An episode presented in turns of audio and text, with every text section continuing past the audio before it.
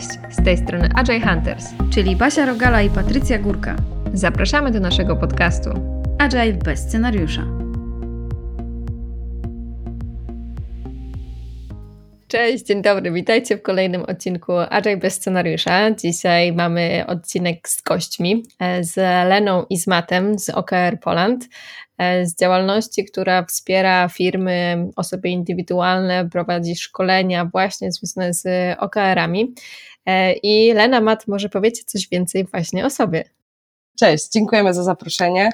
Właśnie, kim jesteśmy, Mateusz? Jesteśmy dwuosobową firmą, e, która zajmuje się weryfikacją i implementacją strategii w organizacjach i między innymi do tego właśnie używamy tego cudownego narzędzia Objective e, Measured by Key Result, czyli cele mierzone za pomocą kluczowych rezultatów, czyli OKR-y, ale to jest oczywiście jedno z narzędzi, które e, wdrażamy w organizacjach.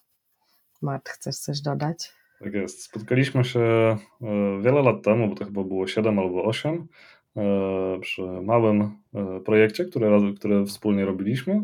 Później nie widzieliśmy się chyba 5 albo 6 lat i przypadkiem zorientowaliśmy się, że robimy to samo, tylko w różnych organizacjach. Ja w Neotoriku, który był wtedy chyba 60 albo 70 osobową organizacją, Lena w całej grupie Lufthansa, więc zaczęliśmy wymieniać się e, spostrzeżeniami i pomysłami na temat wdrożenia OKR-ów, jak to idzie, bo, bo to kilka lat temu to jeszcze nie było tak popularne, Polsce jeszcze nie było tylu praktyków, ile, ile jest dzisiaj.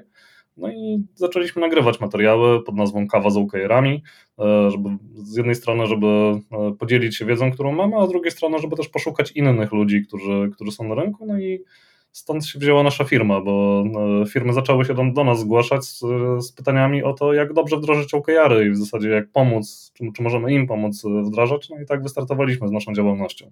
Dzisiaj już mamy 15 firm, e, którym pomagaliśmy na różnym etapie wdrożenia lub pomagamy, no i patrzymy z ciekawością w przyszłość, która pewnie wygląda mm, na, bardziej na rynek zagraniczny również, a nie tylko na Polskę.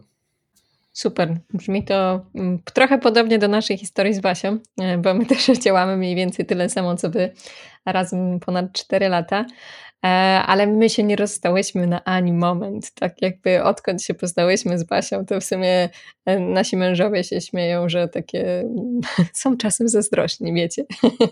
E, ale dobra, wracając do meritum, no to nie będzie dla Was, nasi słuchacze, tutaj niespodzianką, że tak właściwie z Matem i z Leną będziemy rozmawiać właśnie o OKR-ach, a dokładniej o tym, kiedy ich tak właściwie nie stosować. No bo właśnie to, co Matt powiedział, OKR-y mm, są coraz bardziej popularne nie tylko w Polsce, ale mm, na rynku też zagranicznym. E, więc może zacznijmy od takiego pytania, mm, a raczej krótkiego wprowadzenia do tematu. Jakbyście takimi swoimi słowami mogli wytłumaczyć, o co w ogóle chodzi w tych OKR-ach, bo coś tam Lena powiedziałaś, ale po co jest to narzędzie, jaki jest jego cel, dlaczego w ogóle właśnie te OKR-y się teraz pojawiają? Może na, zacznę od powiedzenia, że dla mnie to jest narzędzie, które ja właściwie odkryłam w trakcie swojej pracy z firmami, robieniem transformacji i e, właśnie patrzeniem na strategię jako taki element, który, no, od którego zaczynamy drive'ować, pracować e, w ogóle z celami w organizacji, więc e, jak w sumie to już 6 lat temu odkryłam e, to narzędzie, no to na początku jak się dowiedziałam o nim, no to wiecie, aha, dobra, narzędzie do implementacji strategii, tak się zazwyczaj o OKR-ach mówi a w międzyczasie okazało się, y, im dłużej stosowałam to narzędzie i to już teraz nauczyłam się, bo Mat y, też tak o, o tym narzędziu mówię, że to jest narzędzie do zwinnej implementacji strategii, bo tak naprawdę y, to, co się dzieje w organizacji, jeśli zaczynamy stosować OKR-y, no to po pierwsze pojawia się coś takiego, że wszyscy wiemy, w jakim kierunku idziemy, pojawia się też takie coś, że potrafimy oddzielić te rzeczy ważne, czyli rzeczy strategiczne, czyli jakby nasz rozwój od takiej bieżączki.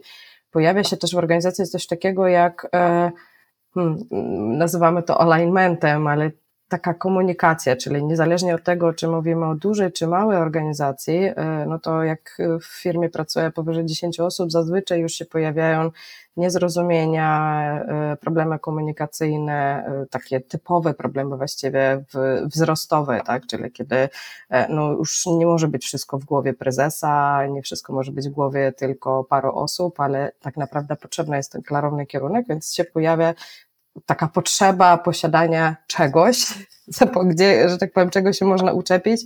E, no i te OKR bardzo pomagają w tym, w tym kierunku, czyli tak naprawdę, żeby się skomunikować, porozumieć. No i dla mnie, i to było dla mnie w ogóle zaskoczeniem i w sumie dlatego też zaczęliśmy dużo z Wami rozmawiać na tematy e, powiązania e, metodyk agile'owych z frameworków różnego rodzaju i gdzie to ma styk z OKR-ami, dlatego że OKR-y właściwie to działają bardzo podobnie, bo one działają na zasadzie inspect adapt, czyli tak naprawdę tego eksperymentowania, patrzenia i ta lubka, przepraszam za ten język e, e, bardzo polski, czyli tak naprawdę ta pętla zwrotna, kiedy e, stawiamy sobie cele, eksperymentujemy się, wyciągamy wnioski, no to ma po prostu określone cykle, więc Dlatego ja mówię, że to jest zwinna implementacja strategii, bo tak naprawdę to wprowadza w organizację konieczność regularnego weryfikowania, czy to, co sobie wymyśliliśmy w postaci celu, ma sens. Więc dla mnie to jest tylko tyle i aż tyle to narzędzie daje. Tak, i z drugiej strony mm, wymusza pewne myślenie rezultatami, a nie tylko akcjami, do czego jesteśmy bardzo przyzwyczajeni, bo nasz naturalny model myślenia to jest, co mogę zrobić. Nie zadajemy sobie zwykle pytania, jaki efekt chcę uzyskać. A dzięki OKR-om niejako musimy sobie zadawać to pytanie, bo żeby napisać dobry cel i dobre kluczowe rezultaty, potrzebujemy sobie odpowiedzieć na pytanie, co ja chcę zobaczyć za te trzy miesiące, albo co ja chcę zobaczyć za ten rok, jaki efekt konkretny chcę zobaczyć, a dopiero później zastanowić się, kto pomoże mi ten efekt uzyskać, jakie najlepsze inicjatywy, czyli jakie moje najlepsze pomysły powinny mnie doprowadzić do tego celu. I to niezależnie od tego, czy mówimy o długoterminowej strategii, czyli kolejne dwa lata, czy e, mówimy o celu rocznym, czy o celu kwartalnym, czy nawet o inicjatywie, która e, potrwa najbliższy tydzień. To dalej są te same pytania. Jaki efekt ja chcę uzyskać, a nie co mogę zrobić. Świetny wstęp i nawet tak zaczarowaliście mnie na chwilę. Mimo tego, że jakby definicja jest znana, to powiedzieliście to tak super, że na nowo chyba się rozkochuje w tej metodzie, tak czuję. Dzięki bardzo za to. Um, bardzo mi się spodobało to, jak powiedzieliście, zwinna implementacja, oczywiście wiadomo, z wiadomych względów. Natomiast um, nigdy chyba tego nie słyszałam w tą stronę, aż tak e, mocno zaakcentowane, więc e, takie w to myślę niby, a jednak coś nowego. Więc dzięki za to. Tak jak Patrycja wspomniała, trochę zaczepnie, może z drugiej strony dzisiaj chcemy podejść, więc może zacznijmy od tego, kiedy te e, OKR-y nie są dobre, kiedy ich nie stosować. Jak wygląda to w Waszym doświadczeniu i z Waszej wiedzy? To jest bardzo dobre pytanie i szczerze mówiąc, to nasze warsztaty i nasza współpraca z klientami polega właśnie na weryfikacji, czy te OKR-y w ogóle mają sens. To jest pierwszy krok w ogóle w tej, w tej naszej współpracy i e, definiujemy sobie kryteria sukcesu, czyli kiedy my uważamy, że te OKR-y nam pomogą i kryteria porażki, czyli kiedy uważamy, że te OKR-y nam nie pomogą. E, to jest w ogóle pierwszy krok. Zresztą podobnie jak w waszej pracy, wy też jak wdrażacie Agile, to prawdopodobnie też patrzycie na, organi na organizację i staracie się ocenić, czy w ogóle to, te zwinne podejście w tej organizacji ma w ogóle sens. No to z OKR-em jest podobnie, też weryfikujemy, czy to narzędzie ma w ogóle sens. I teraz, e, kiedy to narzędzie nie ma sensu? Przede wszystkim wtedy, kiedy organizacja ma jednego silnego lidera, który podejmuje jednoosobowo decyzję. Czyli pierwszy punkt, e, jaki mamy styl przywództwa w organizacji jeżeli mamy jednego silnego lidera, to on nie potrzebuje autonomicznych zespołów, on nie, on nie potrzebuje wolności, on potrzebuje sprawnych egzekutorów. A OKR-y działają w drugą stronę. One oddają wolność, motywują ludzi do podejmowania ryzyk, do brania odpowiedzialności, więc w takiej, w takiej organizacji OKR-y raczej nie pomogą, a wręcz będą przeszkadzać, bo ten silny lider będzie w zasadzie ciągle rozpraszany e, zespołami, które starają się coś wziąć, wziąć odpowiedzialność. Więc to nie zadziała. E, drugi przypadek, w którym to nie zadziała, to jeżeli mamy kulturę e, organizacyjną, w której nie ma takich wartości jak transparentność, jak zaufanie, mm, jak wolność, jak odpowiedzialność. No bo w takich organizacjach zwykle mamy tego silnego lidera, bo one są, zwykle kultura organizacji jest przełożeniem wartości lidera, przynajmniej w mniejszych organizacjach. W większych oczywiście to już troszkę inaczej zaczyna żyć, ale to, to jest bardzo powiązane. Jakby nie, da się, nie, nie da się mieć wolności w organizacji, która tej wolności nie promuje i nie uznaje za wartość. Jeśli tu mogę dodać do tego wątku jeszcze coś takiego, że najgorzej to kiedy myślimy o OKR-ach i to, co Mat mówię, że jest, y, że z jednej strony na poziomie deklaratywnym mówimy, OK, tak, chcemy oddawać to podejmowanie decyzji ludziom, chcemy delegować, ale na tak naprawdę na poziomie tym wykonawczym to się w ogóle nie dzieje i nawet nie ma do tego, y, nie to, że nawet chęci, ale właściwie nie ma nawet celu takiego, czyli że to jest takie, wiecie, trochę wilk w owczej skórze, że mówimy tak, tak, tak, my chcemy, żeby inni liderzy też podejmowali decyzje, a tak naprawdę to się kończy tym, że i tak każdą najmniejszą decyzję podejmuje lider, ten jeden, jedyny, który właściwie po prostu i mm, Mieliśmy takie przypadki, e, znaczy nie dochodziło nawet do implementacji OKR-ów w takich organizacjach, faktycznie, no bo po prostu my poznajemy to najczęściej po tym, że ktoś przychodzi do nas i mówi, no tak, tak, ja bym chciał OKR-y, żeby mieć taki bardzo szczegółowy raport pracy tych ludzi, taki bardzo szczegółowy, bo ja chcę dokładnie widzieć, co ci ludzie wykonują. No to wiecie, taka nam się lampka zawsze zapala mm, i zaczynamy trochę głębiej i no wiadomo, nie zawsze z pierwszej rozmowy to można wykryć, ale często prosimy też, żeby przyjść na przykład na spotkanie zespołu, wiecie, jakieś takie tak zwane jurfix albo coś, żeby też poobserwować, czy, e, czy to jest właśnie poziom deklaratywny, czy to faktycznie e, jest chęć, chęć zmiany, nie? Tak, ciekawostki takie. No, e, oczy nam się poszerzyły, jak usłyszeliśmy ten przykład. No, taka obserwacja w środowisku nat nat naturalnym jest ciekawa, bo, bo, bo, ona pokazuje schematy zachowania, pokazuje jak podejmowane są decyzje, pokazuje jak prowadzone są dialogi na spotkaniach, więc to, to bardzo dużo ujawnia.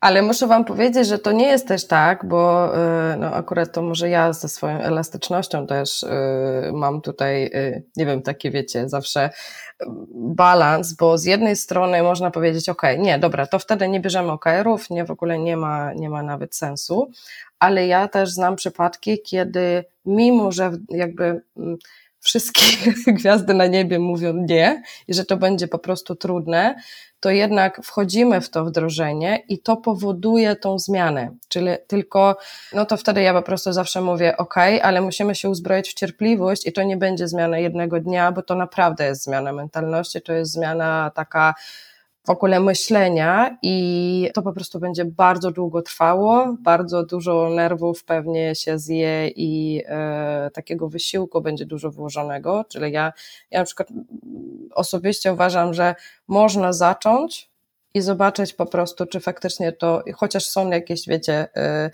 cząstki nadziei na, e, na zmianę, bo fakt faktem, że jak ja pierwszy raz wdrażałam OKR, akurat to nie dotyczyło e, leadershipu, ale no można by było powiedzieć, że e, hmm, no będzie trudno, ale wdrażając OKR-y mi te wszystkie różne dysfunkcje organizacyjne po prostu naprawa ich się przyspieszyła, bo OKR-y mają no teraz jakby w drugą stronę, tak? Oni mają taką zdolność po prostu uwypuklania wszystkich dysfunkcji organizacji, zespołów na wierzch, wiecie, to się tak po prostu wywala na to się patrzy i już nie da się y, tego omijać. To trochę tak, y, taka jest właściwość tej zmiany, tak bym to powiedziała, no bo dotykamy całej organizacji, dotykamy tak naprawdę wszystkich aspektów zarządzania i nie da się obok nich przejść, więc wtedy trzeba po prostu podjąć decyzję, dobra, okej, jest jakaś dysfunkcja, zajmijmy się tą dysfunkcją, oczywiście to nie jest już kwestia OKR-ów, ale trzeba po prostu wziąć narzędzia i się zająć konkretną dysfunkcją,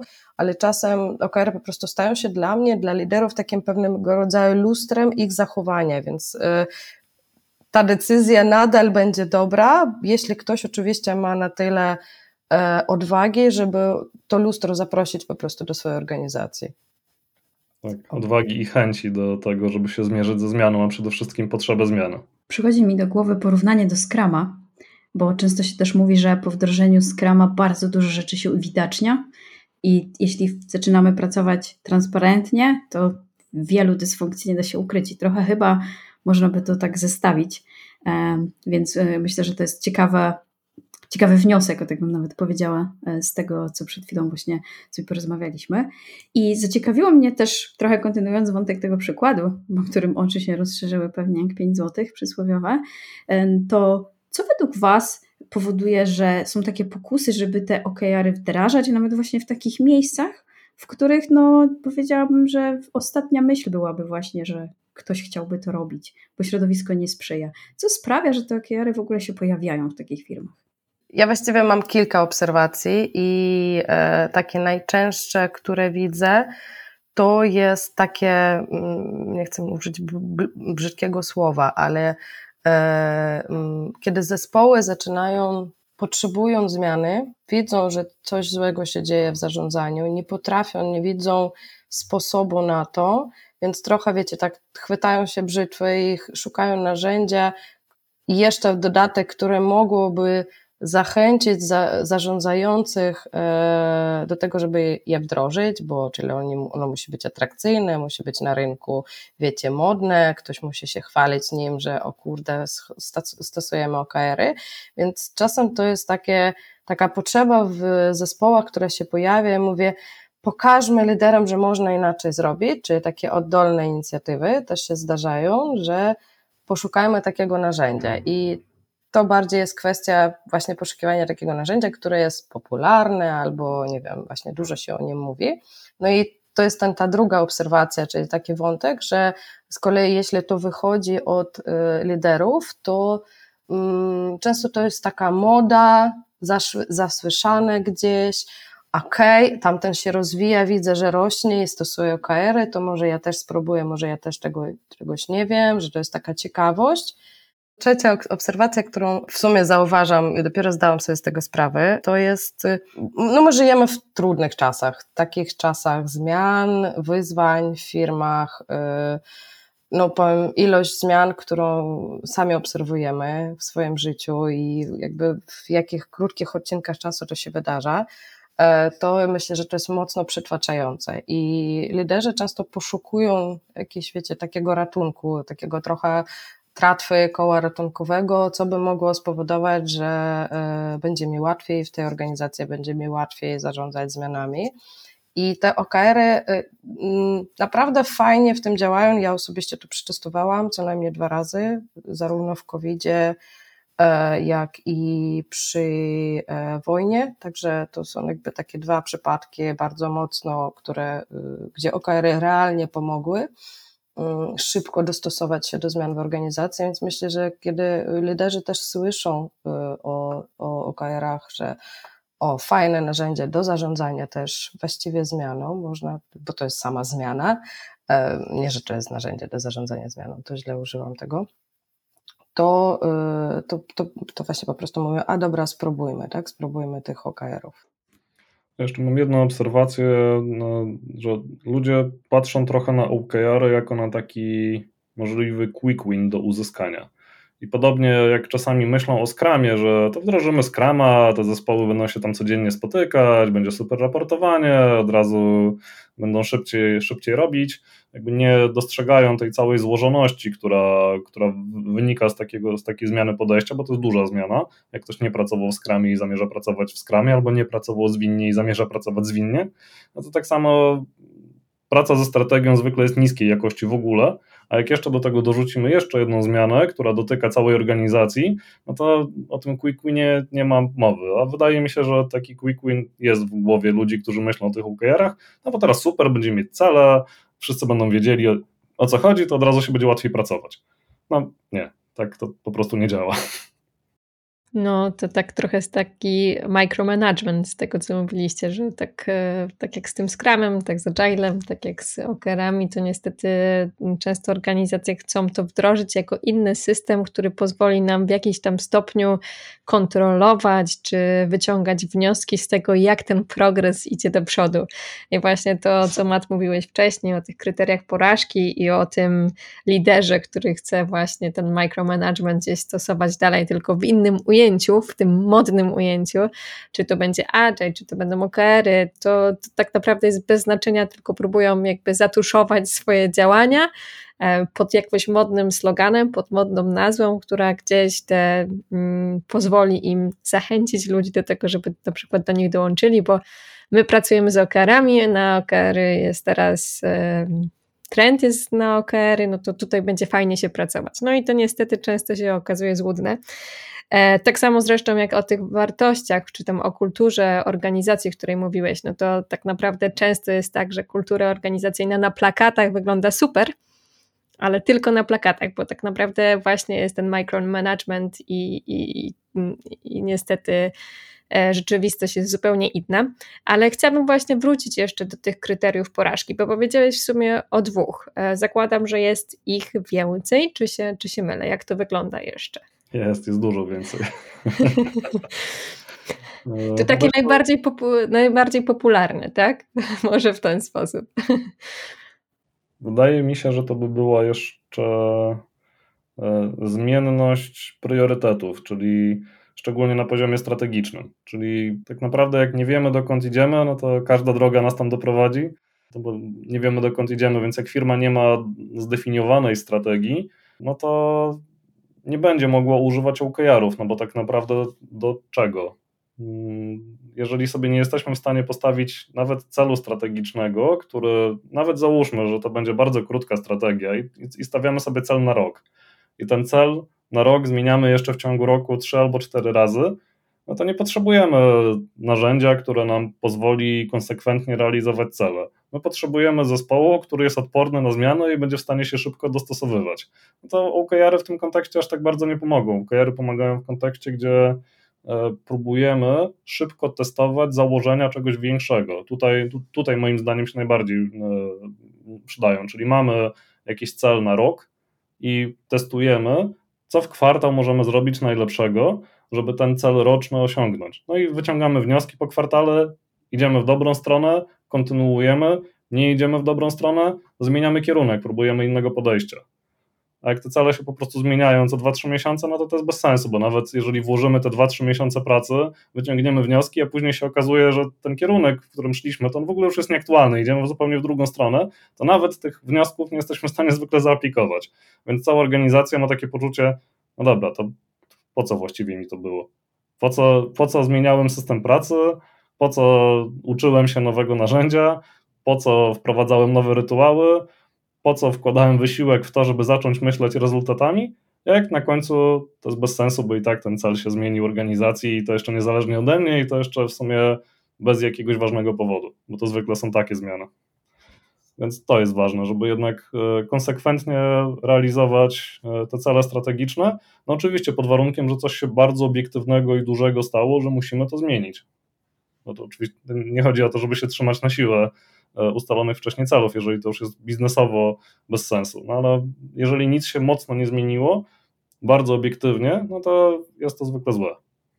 Ja już odpłynęłam w ten wątek podejmowania decyzji i no właśnie, jakoś tak to mi się wszystko łączy, bo powiedziałeś o tym, że kiedy podejmujemy decyzję o zmianie, o na przykład jakiejś dużej zmianie, gdzie organizacja idzie w danym momencie i nie podejmujemy to w oparciu o faktycznie dane e, typu analiza rynku, e, analiza konkurencji, analiza naszych wewnętrznych zdolności operacyjnych e, i tak dalej, właściwie analizę wszystkiego, czym my wygrywamy na rynku, tylko podejmujemy decyzję, bo nie wiem, stajemy inną nogą dzisiaj i stwierdzamy, a nie, dobra, idziemy gdzieś indziej, bez właściwie sprawdzenia tego w oparciu o dane, i to robimy bardzo, bardzo, bardzo, bardzo często.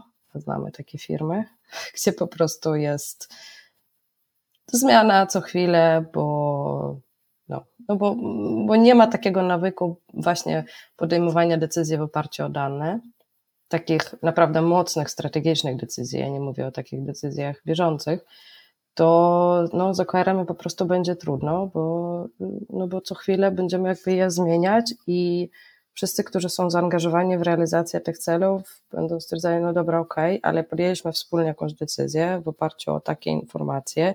Nic nie wydarzyło się na rynku takiego wyraźnego, co by spowodowało taką zmianę. Czyli to powoduje takie trochę, okej, okay, dobra, no to dobra, może tam, nie wiem, nasz prezes za tydzień o tym zapomnie, to będziemy robić coś innego. Więc to jest, no ale to znów jest y, chyba ten powrót do tego silnego lidera, który mm, podejmuje decyzje we własnym zakresie bez, y, bez konsultacji z innymi, tak, tak bym to powiedziała. Chyba do tego się to sprowadza troszkę. Finalnie, jak, jak, jak pomyśleć, co nam daje satysfakcję z pracy, oprócz oczywiście tam masy innych rzeczy, no to jednym z czynników jest to, że my mamy poczucie sprawczości.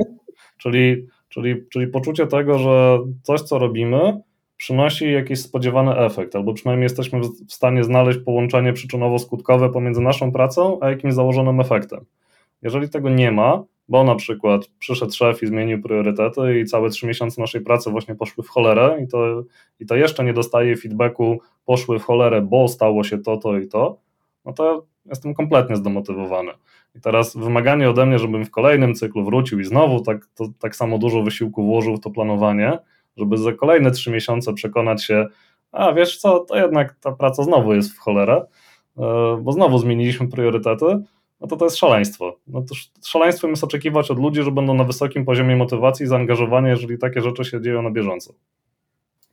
To jest w sumie ciekawe, kiedy na przykład y, nam się zdarzały takie sytuacje, kiedy na, w trakcie tego monitoringu tych celów y, okazywało się, że zespół przestaje się zajmować y, pracą nad tym celem i I właściwie słyszę od szefa, ale to jest okej, okay, to już jest nieważne. No to wiecie, jest taka konsternacja, okej, okay, ale to dlaczego w takim razie podjęliśmy decyzję o tym, że to jest najważniejsza rzecz dla firmy?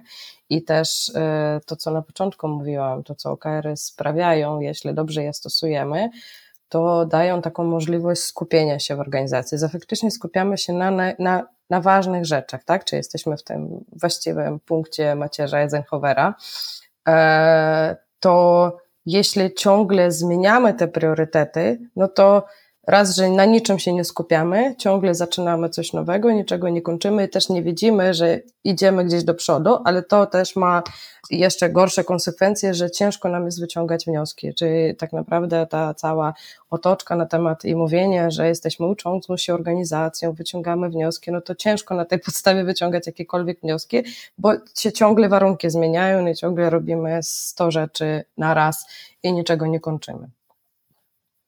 To tak dzisiaj nie w moim stylu, negatywnie bardzo. Trochę taki narzucony temat, to nasza wina, można by powiedzieć. Natomiast tak jak was. Nie, nie, też... żartuję. Dobrze, dobrze, dobrze pomyśleć od drugiej strony. No pewnie, jak tak was słucham, to cały czas mam w głowie agile, agile, agile, Myślę, że to są tak podobne rzeczy, w sensie, wiecie, jedno środowisko. Mm, I tak sobie pomyślałam o tym, że Często mamy taką pokusę właśnie, żeby robić coś, co jest modne. My też, myślę, z Patrycją zauważamy to, to u siebie. Natomiast też chyba jedna z takich ważnych rzeczy jest to, co powiedziałaś, ta, ta konsekwencja, to coś, co, co wymaga od nas trochę skupienia. Tak naprawdę chyba to jest problem w tym, żeby gdzieś tam powiedzieć sobie, robimy to i tego nie zmienić za sekundę. Więc e, cała ta demotywacja, czy, czy też kultura, to są czynniki, które będą potem cierpiały. E, I tak już trochę podsumowując naszą rozmowę, chciałabym Was zapytać o rady dla osób, które myślą o OKR-ach albo zastanawiają się, czy te OKR-y dla nas są ok, czy będą pasowały. Jakie jest kilka punktów, które radzilibyście naszym słuchaczom, słuchaczkom, czy osobom, które się zastanawiają właśnie nad OKR-ami, żeby sobie zadały takie pytania, rozpoznały w swojej organizacji, zanim w ogóle na przykład zgłoszą się do Was o pomoc? Pierwsze pytanie, które my też zadajemy, to jest pytanie, po co mi to narzędzie? Czyli co ja konkretnie chcę zobaczyć w organizacji po wdrożeniu tego narzędzia. Czyli powiedzmy, wyobrażam sobie, że jest koniec 2023 roku Dzisiaj wdrożyłem OKR-y i jak moja organizacja wygląda na koniec tego roku? Co się fajnego zadziało? Jak sobie wyobrażam tą, tę, tę, tę całą zmianę? To jest, to jest fajne pytanie.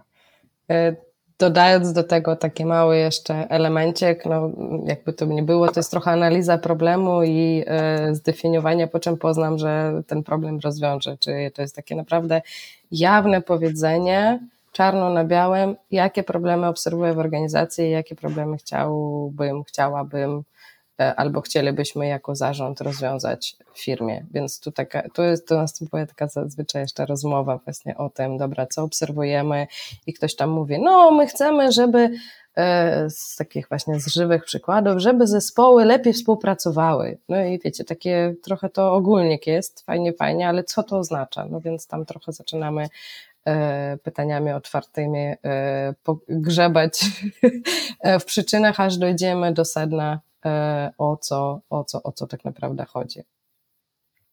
Tak. tak. Drugie, drugie pytanie to, czy zarząd ma rzeczywistą odpowiedzialność za strategiczne decyzje? Czyli co mam, co, co mam na myśli? Bo są zarządy czasami, które mówią, no to naszym celem jest wzrost dwukrotny w ciągu najbliższych trzech lat, nasze przychody mają się potroić, no i róbcie. No i dla mnie to jest brak odpowiedzialności, no bo w moim przekonaniu zarząd jest odpowiedzialny nie tylko za e, życzeniowe myślenie, no bo to, co powiedziałem, to jest życzeniowe myślenie, chciałbym, żeby, to jest życzenie, ale też za wskazanie, w jaki sposób zamierzamy to zrealizować. Czyli w strategii to się nazywa polityki, czyli w jaki sposób ja chcę realizować to moje, to moje, znaczy to jeszcze nie jest strategia, to co powiedziałem, to jest dalej życzeniowe myślenie, ale przynajmniej sposób na dojście do tych rezultatów. Czyli zarząd wymyśla, jaka, jaka jest moja najlepsza hipoteza, jaki jest mój najlepszy pomysł, i później dopiero, już przy tym zawężonym e, obrazie, dopiero idzie do reszty firmy i mówi: Słuchajcie, wydaje mi się, że to jest najlepszy pomysł na realizację tych celów. Teraz zastanówmy się, jak możemy ten pomysł wdrożyć w życie. I tutaj, tutaj się pojawiają e, OKR-y. Jeżeli zarząd nie jest w stanie nawet czegoś takiego zrobić, czyli oddaje mm, nawet nie decyzyjność, ale oddaje, wymusza na całym zespole zgadnięcie, co ja jako zarząd mam na myśli, że się powinno zdarzyć. Czyli w ogóle to jest, to jest, to, to, to jest już kompletna abstrakcja. Czyli ja mówię, że chcę iść tam, ale tak naprawdę jak szybko tam dojdę, ile mnie to będzie kosztowało, w jaki sposób, to już sobie wy wymyślcie i jak to mi się spodoba, to wtedy to wezmę. To mniej więcej tak działa. I to działa tak e, całkiem nierzadko, bym powiedziała, bo my też się z takim obrazem spotkałyśmy nieraz. No, czyli takie trochę domyśl się. Tak, ale y, mi się jeszcze wydaje, tak trochę w obronę stanę y, tego wątku, albo no może nawet nie w obronę, tylko mi się wydaje, że to często wynika z tego, że nie mamy danych, w ogóle naprawdę nie badamy, kim jesteśmy na rynku, jakie mamy możliwości, co możemy zrobić, czyli tak naprawdę nie używamy danych, researchów, mark, e, nie wiem, z rynku i tak, analityków na przykład strategicznych i tak dalej, i tak dalej, żeby faktycznie taką strategię zbudować, no bo to, y, to co Mat mówię, to nie oznacza, że zarząd ma, nie wiem, sam usiąść, zabrać te dane i podjąć tą decyzję, tylko on przynajmniej powinien zdawać sobie sprawę, że jakich danych on potrzebuje i jakich, jakie decyzje on musi podjąć i to można zrobić za pomocą zespołu, oczywiście, znaczy wręcz trzeba, tak, z którym się współpracuje, tylko no tutaj jest potrzebna przynajmniej minimalna koordynacja w postaci OK, tych decyzji nie mamy, tych danych nie mamy, więc powinniśmy je poszukać i tak naprawdę dopiero w tym momencie podjąć tę decyzję. A często to jest tak, że aha, dobra, OK, no to mm, w sumie to, to zdecydujcie i powiecie mi, jak, jak to ma być, nie? A aha, nie, nie, nie, nie, ma, nie mamy wzrostu dwukrotnego, no nie, no nie, to niedobrze, tak? Tylko, a później, aha, no dobra, no możemy zacząć robić outsourcing. Nie, nie, nie, ja w firmie nie chcę robić outsourcingu i wiecie, to jest takie często ping-pong, właśnie tak jak Matt mówi, takiego zgadywania, a o co ci zarządo, zarząd, drogi zarządzie chodzi, tak? Co ty chcesz naprawdę osiągnąć, więc E, no ale mam też bardzo właśnie dużo takich dobrych przypadków, gdzie faktycznie zarząd bardzo odpowiedzialnie podchodzi do tego i wie, że jednak te decyzje strategiczne no, muszą e, zaczynać się z, z samej góry. Mhm.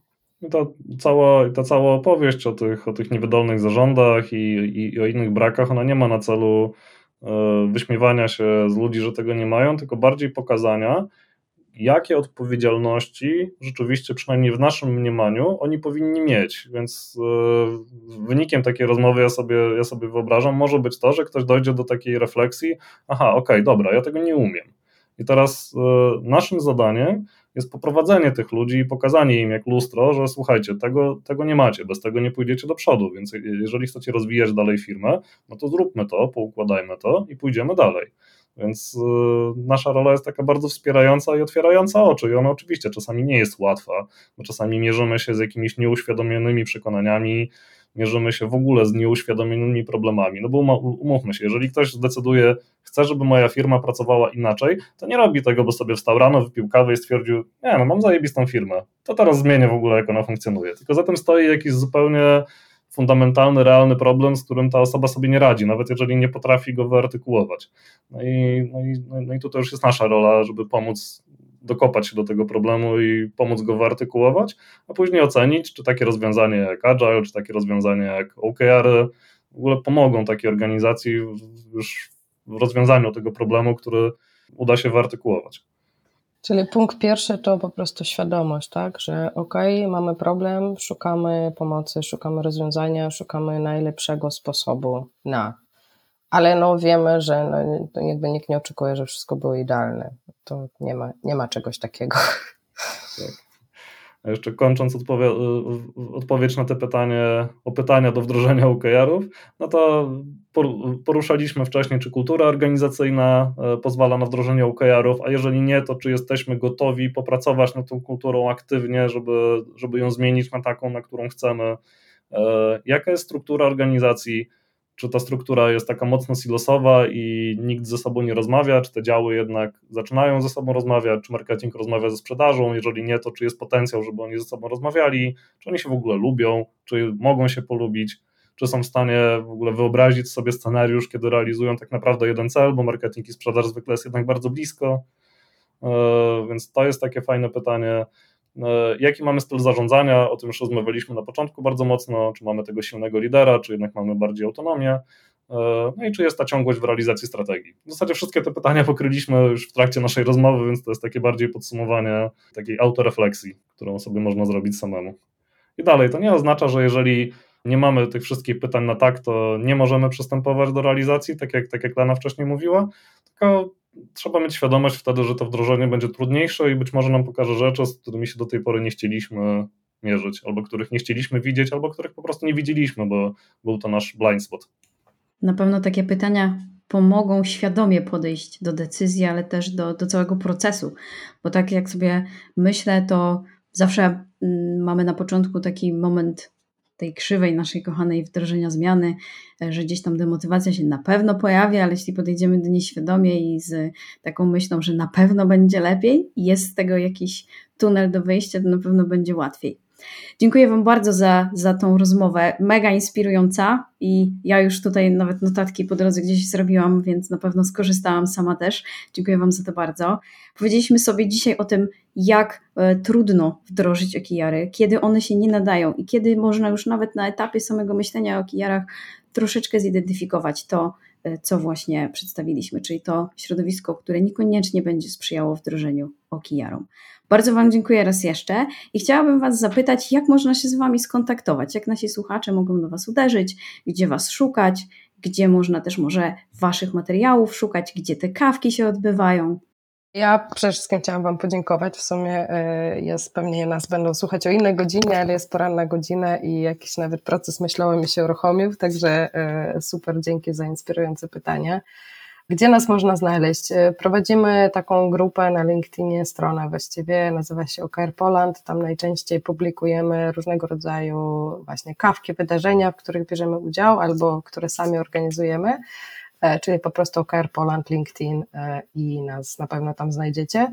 Na pewno znajdziecie nas też na YouTubie, jeśli wpiszecie po prostu kawka z OKR-ami i e, raczej wyskakujemy od razu, jak, jak z lodówki. E, no i możecie też do nas napisać maila na hi.okrpoland.pl Możecie też nas znaleźć na LinkedInie Elena Żukowa, Mat Poprocki. E, tam też się możecie z nami po prostu kontaktować. Jeżeli jesteście zainteresowani OKR-ami albo połączeniem Agile, Agile z OKR-ami, o których też rozmawialiśmy z kolei, z kolei na naszej kawce, jeszcze będziemy rozmawiać, to, to też śmiało. Dzięki, super. Zachęcamy wszystkich do kontaktu, bo naprawdę warto. E, Lena i Matt to świetni ludzie i bardzo Wam jeszcze raz dziękujemy za dziś i do usłyszenia. Dziękujemy. Dzięki, do usłyszenia. Dzięki wielkie.